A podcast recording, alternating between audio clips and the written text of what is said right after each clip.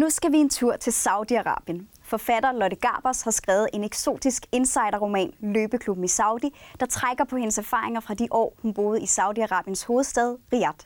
I bogen møder vi Maiken, som lige er blevet alene og har mistet sit arbejde og måske også sin lejlighed.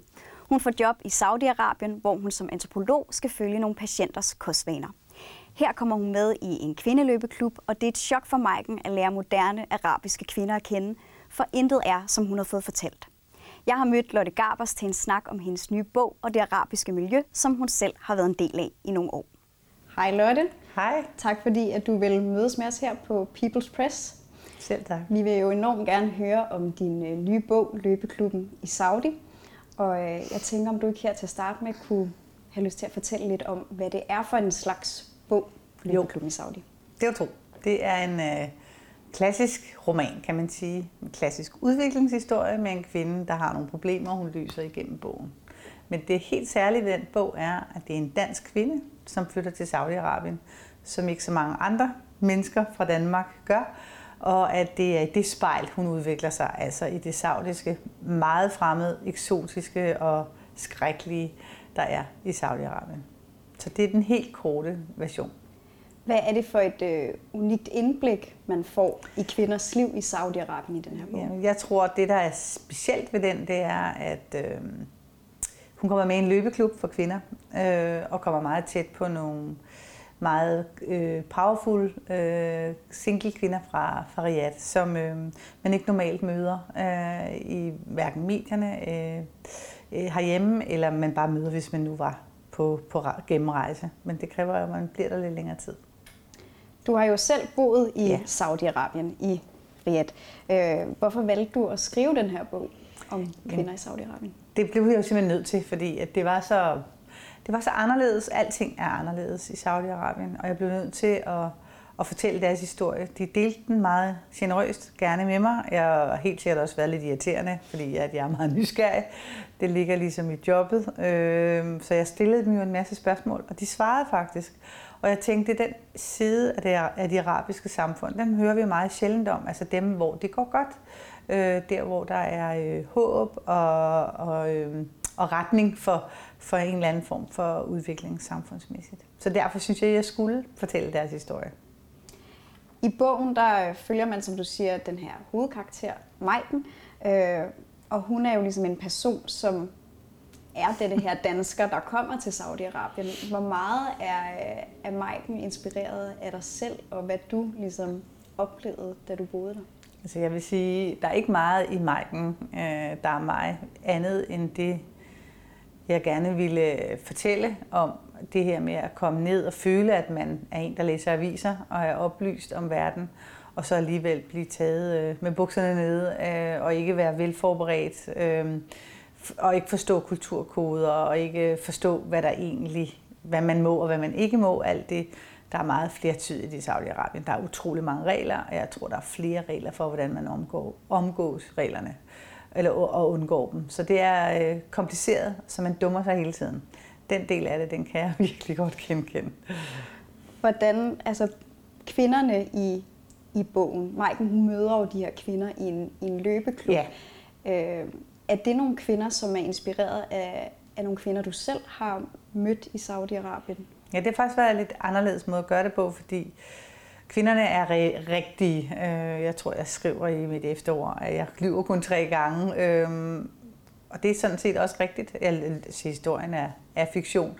Men øh, anekdoterne, situationerne, historierne fra deres barndom osv., de er alle sammen noget, jeg har hørt, eller kender dem, der har oplevet det. Øh, og jeg tænker, at hvis jeg fortalte dem, som det var, så kunne jeg komme så tæt på det, jeg egentlig gerne ville, altså fortælle deres historie, og lade være med at gøre den gør den mere eller mindre. Så jeg har bare givet den gas og skrevet det, som, som jeg så det, som jeg fik det fortalt.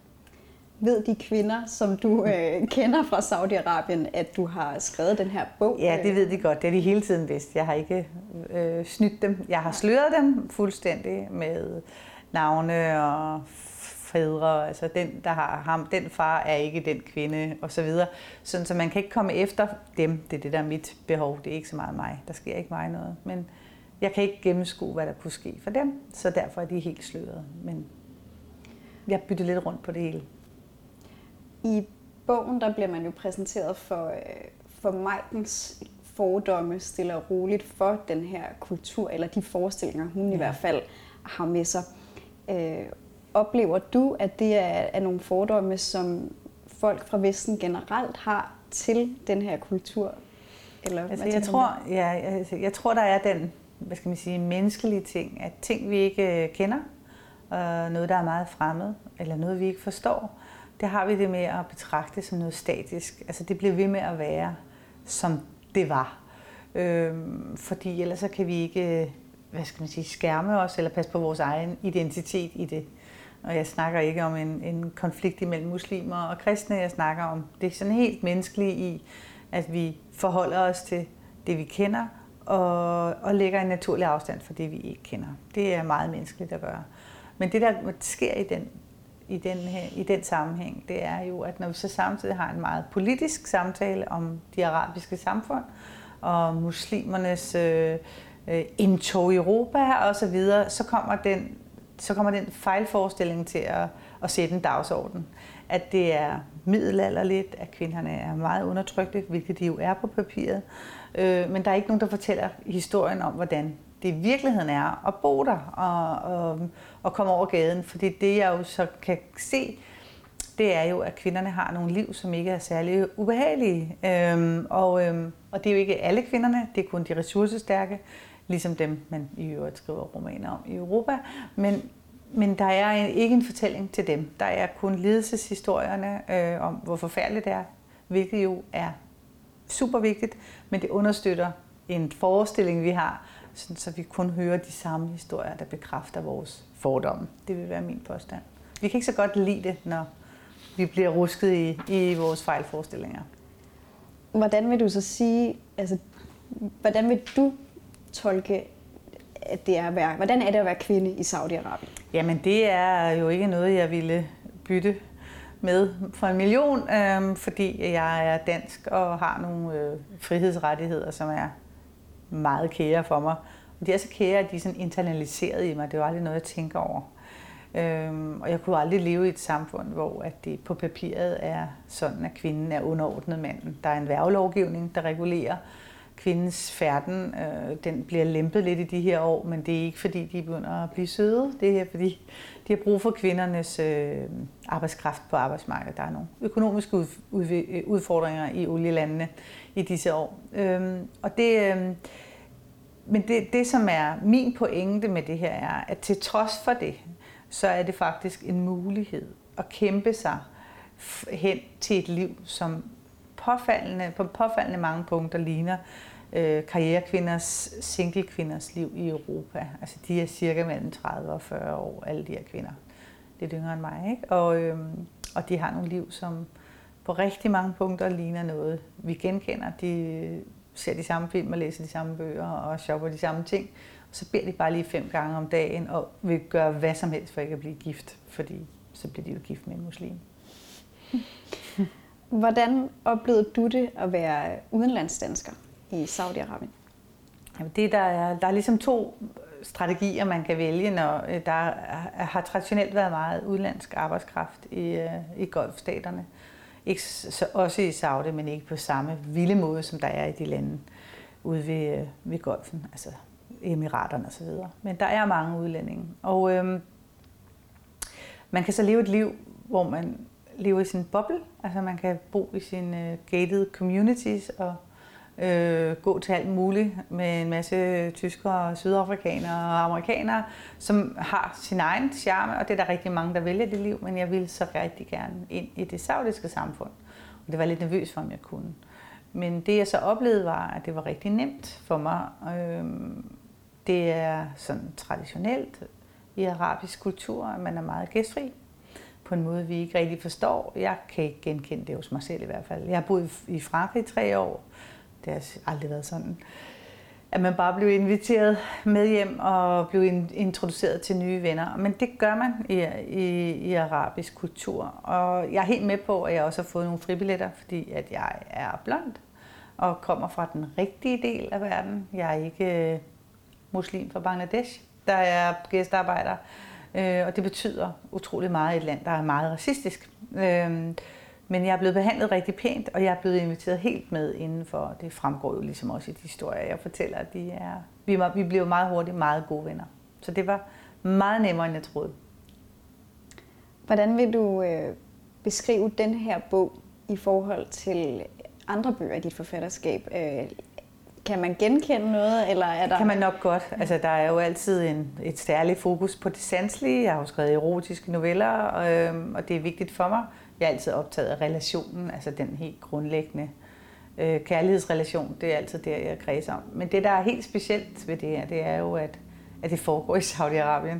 Og, øh, og der kommer vi jo ikke så tit. Så jeg vil sige, for mig genkender jeg den ikke så godt. Jeg kan høre på nogle andre læsere, at, at det er en Lotte Garbers bog, men det kan jeg ikke selv få øje på, fordi mit stof har været... Øh, så jeg har jo op, jeg har jo opdaget i samme trit som min hovedperson, hvad det er, jeg skulle, skulle skrive om, men hvor jeg plejer jo at have stoffet på plads, inden jeg begynder at skrive. Så det har været... Øh, det har været ja, for mig er det en anden bog. For mig er det også en anden retning. Jeg tror, der kommer mere af den slags. Maiken er jo antropolog, ja. hovedkarakteren. Har du lidt haft en antropologisk tilgang til, øh, til Saudi, tror, da du var der? Jamen, jeg tror... Øh, altså, de fleste forfatter tænker jo antropologisk i måden, man går ind i rummet på, og man jagter alt, hvad der foregår, og ser, hvad der sker mellem mennesker osv. Det er jo der, det er jo der de gode øh, scener, gode dialoger bliver stjålet fra. Men, men, øh, men Maiken er en ret dårlig antropolog, vil jeg sige, sådan rent akademisk, og det er jo sammenlignet med en forfatter. Jeg når jeg researcher, så plukker jeg jo bare. Jeg tager kun det, jeg skal bruge. Jeg sætter mig jo ikke ind i det hele og husker at lave kildeanvisninger. Hun er desværre også lidt sådan, og det er jo ikke så godt, når man er antropolog, men, øhm, men helt klart hvad, har det været det. Jeg tænkte faktisk over, hvorfor jeg valgte, at hun skulle være antropolog, men det blev bare, det blev bare meget vigtigt for mig, at jeg fik signaleret hurtigt, at her er der et menneske, der læser aviser, og som tror, hun er enormt frigjort og enormt åben og uden fordom, som alligevel kommer med hele pakken. Og det var meget vigtigt, at, at, hun, ikke, øhm, at hun ikke var dum, forstået på den måde, at hun ikke havde øh, styr på, hvad for nogle, øh, hvad for nogle øh, narrativer, der løber med os i forhold til den arabiske verden. Men at hun rent faktisk godt vidste, og dog blev hun altid taget med bukserne ned. Vi har været lidt inde på det, men, men hvilke fordomme oplever du, at der er til kulturen og kvinder i, i Saudi-Arabien? Og var det nogen, som du også selv havde med dig, og mm. som du enten fik be- eller afkræftet, ja. da du var der? Altså jeg havde, øh, tror jeg, som så mange andre, en forestilling om, at på grund af det styre og den måde, man regulerer kvindens rolle i samfundet på, at, det, øh, at kvinden så også tilsvarende var tilbagetrukken. Altså det går meget bag på mig, at, at, at, øh, at de øhm, overtrådte alle de grænser. Altså det, det er jo det, der sker hele tiden i bogen. Det er jo tættere, vi kommer på, og hele tiden er der nogen, der gør noget, man ikke må. Og nogle gange er der repressalier, og nogle gange er der ikke. Det kom fuldstændig bag på mig. På den måde kom jeg med den samme fordomspakke om, at fordi jeg selv synes, at den måde, vi gør det på i Danmark, er den fedeste måde, så det, at man vælger at leve på en anden måde, er i sig selv øh, degraderende, øh, og det vil sige, at jeg tror, det også påvirker hvad skal man sige, kvindens måde at være i verden på. Øh, og så kan vi alligevel snakke om de samme ting, de samme øh, relationelle øh, sover og glæder, øh, som jeg gør med danske veninder. Altså det, der, der, der følte jeg mig meget, ja hvad skal jeg sige, en lille smule dum. Altså jeg følte mig lidt flov over mig selv, tror jeg, over at, at jeg forestiller mig, at... Øh, at, at den måde, at fordi jeg selv synes, at vores liv er det perfekte liv, at, at så de andre har uperfekte liv. Altså, det er jo en utrolig nedladende måde at være på. Altså, altså, et godt eksempel er jo sex, fordi man jo må ikke have sex før ægteskab i, øh, i øh, islam. Øh, men summen af sex er jo konstant i den her verden. Altså en eller anden fuldstændig ignorance, jeg har haft. Forestillet mig over en milliard mennesker i verden ikke har sex før ægteskabet. Altså, hvis man kan jo høre det, når man siger det. Altså, hvem, hvem tror du, du, du snyder? Altså, den, den, den pakke der, den har jeg jo helt klart købt ind på. Øhm, og det, det har været rigtig godt at få rusket op i den. Hvorfor skal man læse din bog, Løbeklubben i Saudi? Mm, det skal man, fordi det er en god historie, øhm, og det er øhm, en fuldstændig anderledes måde at blive introduceret for for arabiske miljøer øh, fra en, der har været der selv. Og det, øh, man glemmer det ikke, når man har læst det. Man kan ikke lave det om igen. Hvad kan man forvente som læser øh, genremæssigt at blive præsenteret? Det er jo en, kla- vel, virkelig en klassisk kærlighedsroman, vil jeg kalde det, øh, udviklingsroman, som jeg også startede med at sige. Men jeg tror, øh, hvis man så har en lille smule øh, interesse for andre måder at være på i verden, så er det øh, et helt unikt indblik i noget arabisk, man ikke før har set. Lotte, det kunne være rigtig fedt, hvis du ville læse lidt op for Det kan du tro. Det vil jeg gerne. Dejligt. Og jeg vil læse op fra... Øhm, hun, er, hun er kommet med i sin løbeklub her, men så er der sandstorm, så de tager øh, ikke ud og løber. De er ikke sådan specielt glade for det der motion. Det handler om noget andet, men det fremgår af bogen. De tager det, der hedder hammam, som er arabisk øh, spag, vil jeg kalde det. Det er ikke som i en dansk svømmehal, for de andre piger er nøgne. Jeg bliver i tvivl. Skal jeg gå tilbage med mit badetøj? Kan jeg så finde dem igen? Jeg følger efter dem i min meget neutrale sorte badedragt, som mest ligner noget, man bruger, hvis man er en rigtig svømmer. Det troede jeg, jeg ville blive den dag, jeg købte den. Der er ikke en af dem, der forsøger at dække sig til, og jeg går her bagerst og glor på deres baller. De har samme farve som resten af huden, og der er store og små, og nogen, der blævrer, og nogen, der ligesom hopper – de fordeler sig parvist i hver deres mørke rum, og nu er det min og Shazas tur. Rummet er mørkt, fordi stenen er det. Der er lidt indirekte lys i loftet, en enkelt bruser mellem to stenbænke, og jeg bliver bedt om at lægge mig på den ene bænk. Den er iskold.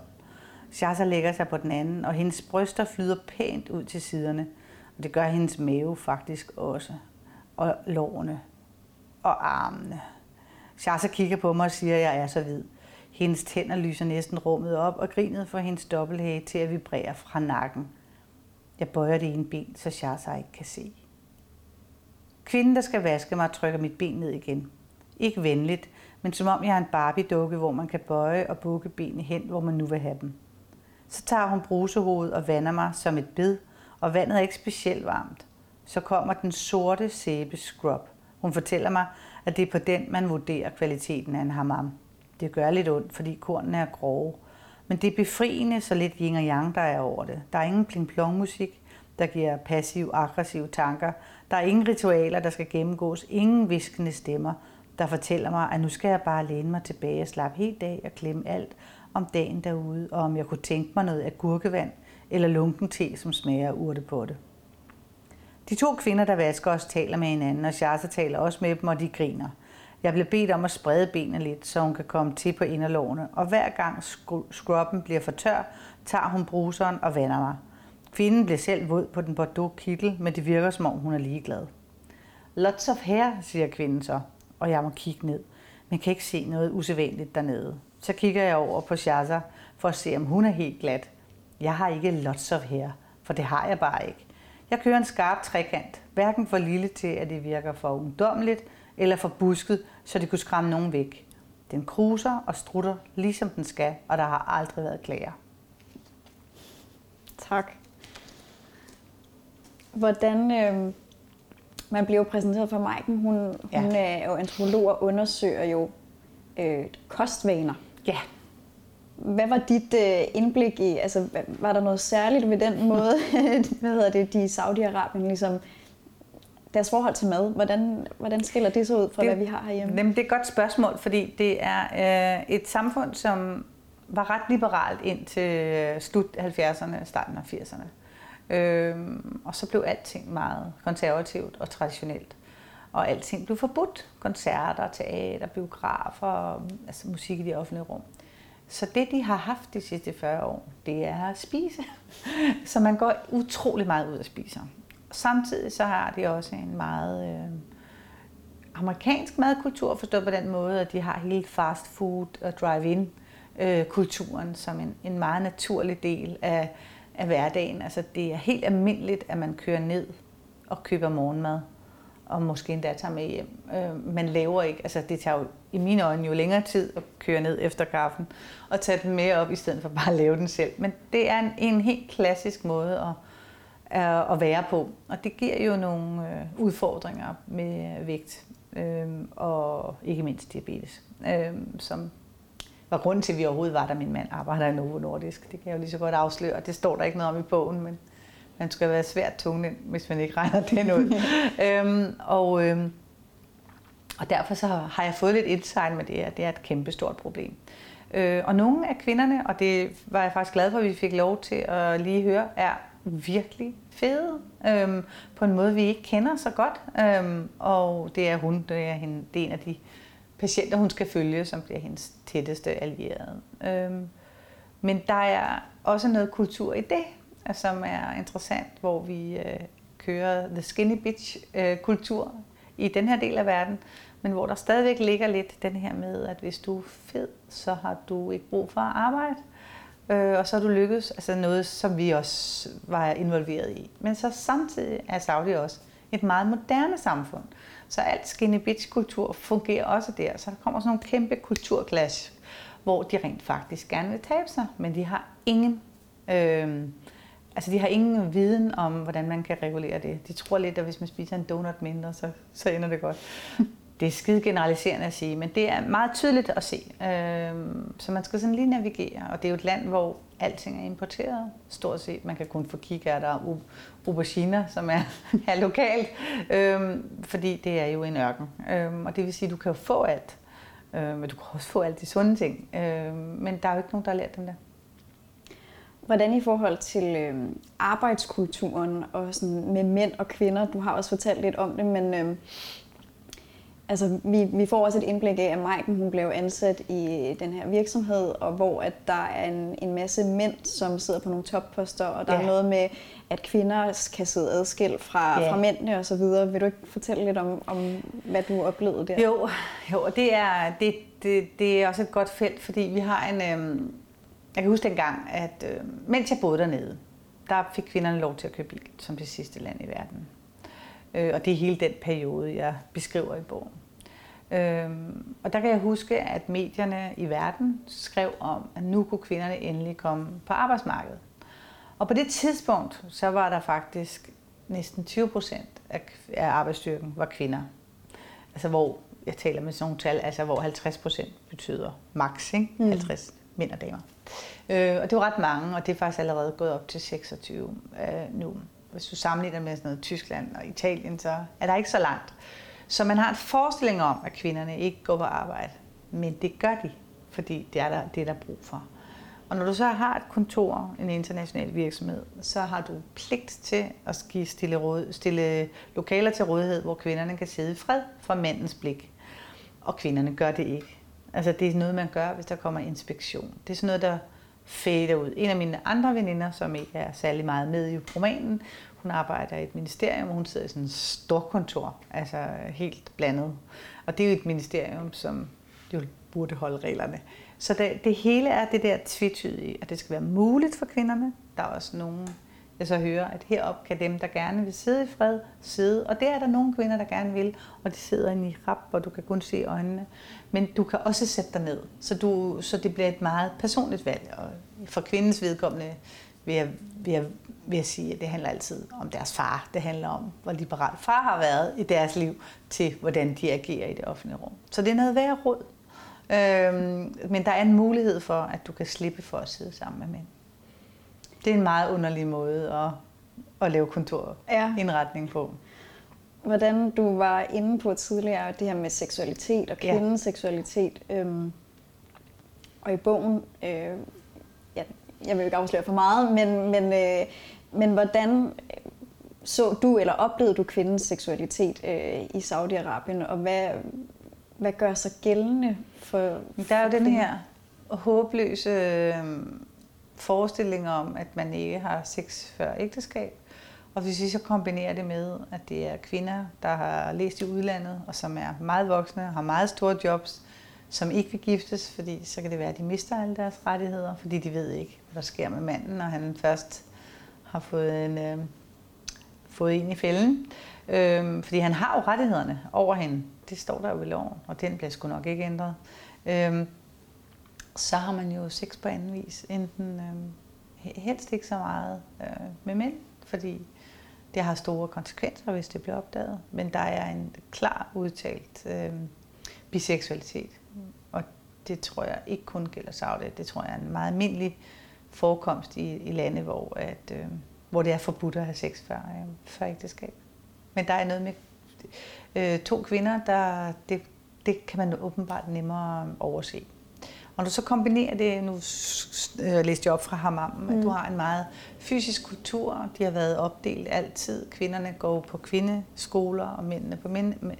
De har en anden øh, fysisk måde at være sammen på. De rører meget med hinanden, fletter hinandens hår, som de kalder det og mener nok alt muligt andet. Men de har en anden øh, måde at være, øh, være kropslige på, som øh, vi kunne lære lidt af. Der er ikke nogen kropsforskrækkelse. Det er, de er meget øh, øh, hvad skal man sige, udtalte og meget sådan fysisk. Også ved mig og rør ved mig. Jeg kan huske første gang, jeg var inde og prøve sådan en abaya, man skal have sådan en kurve på.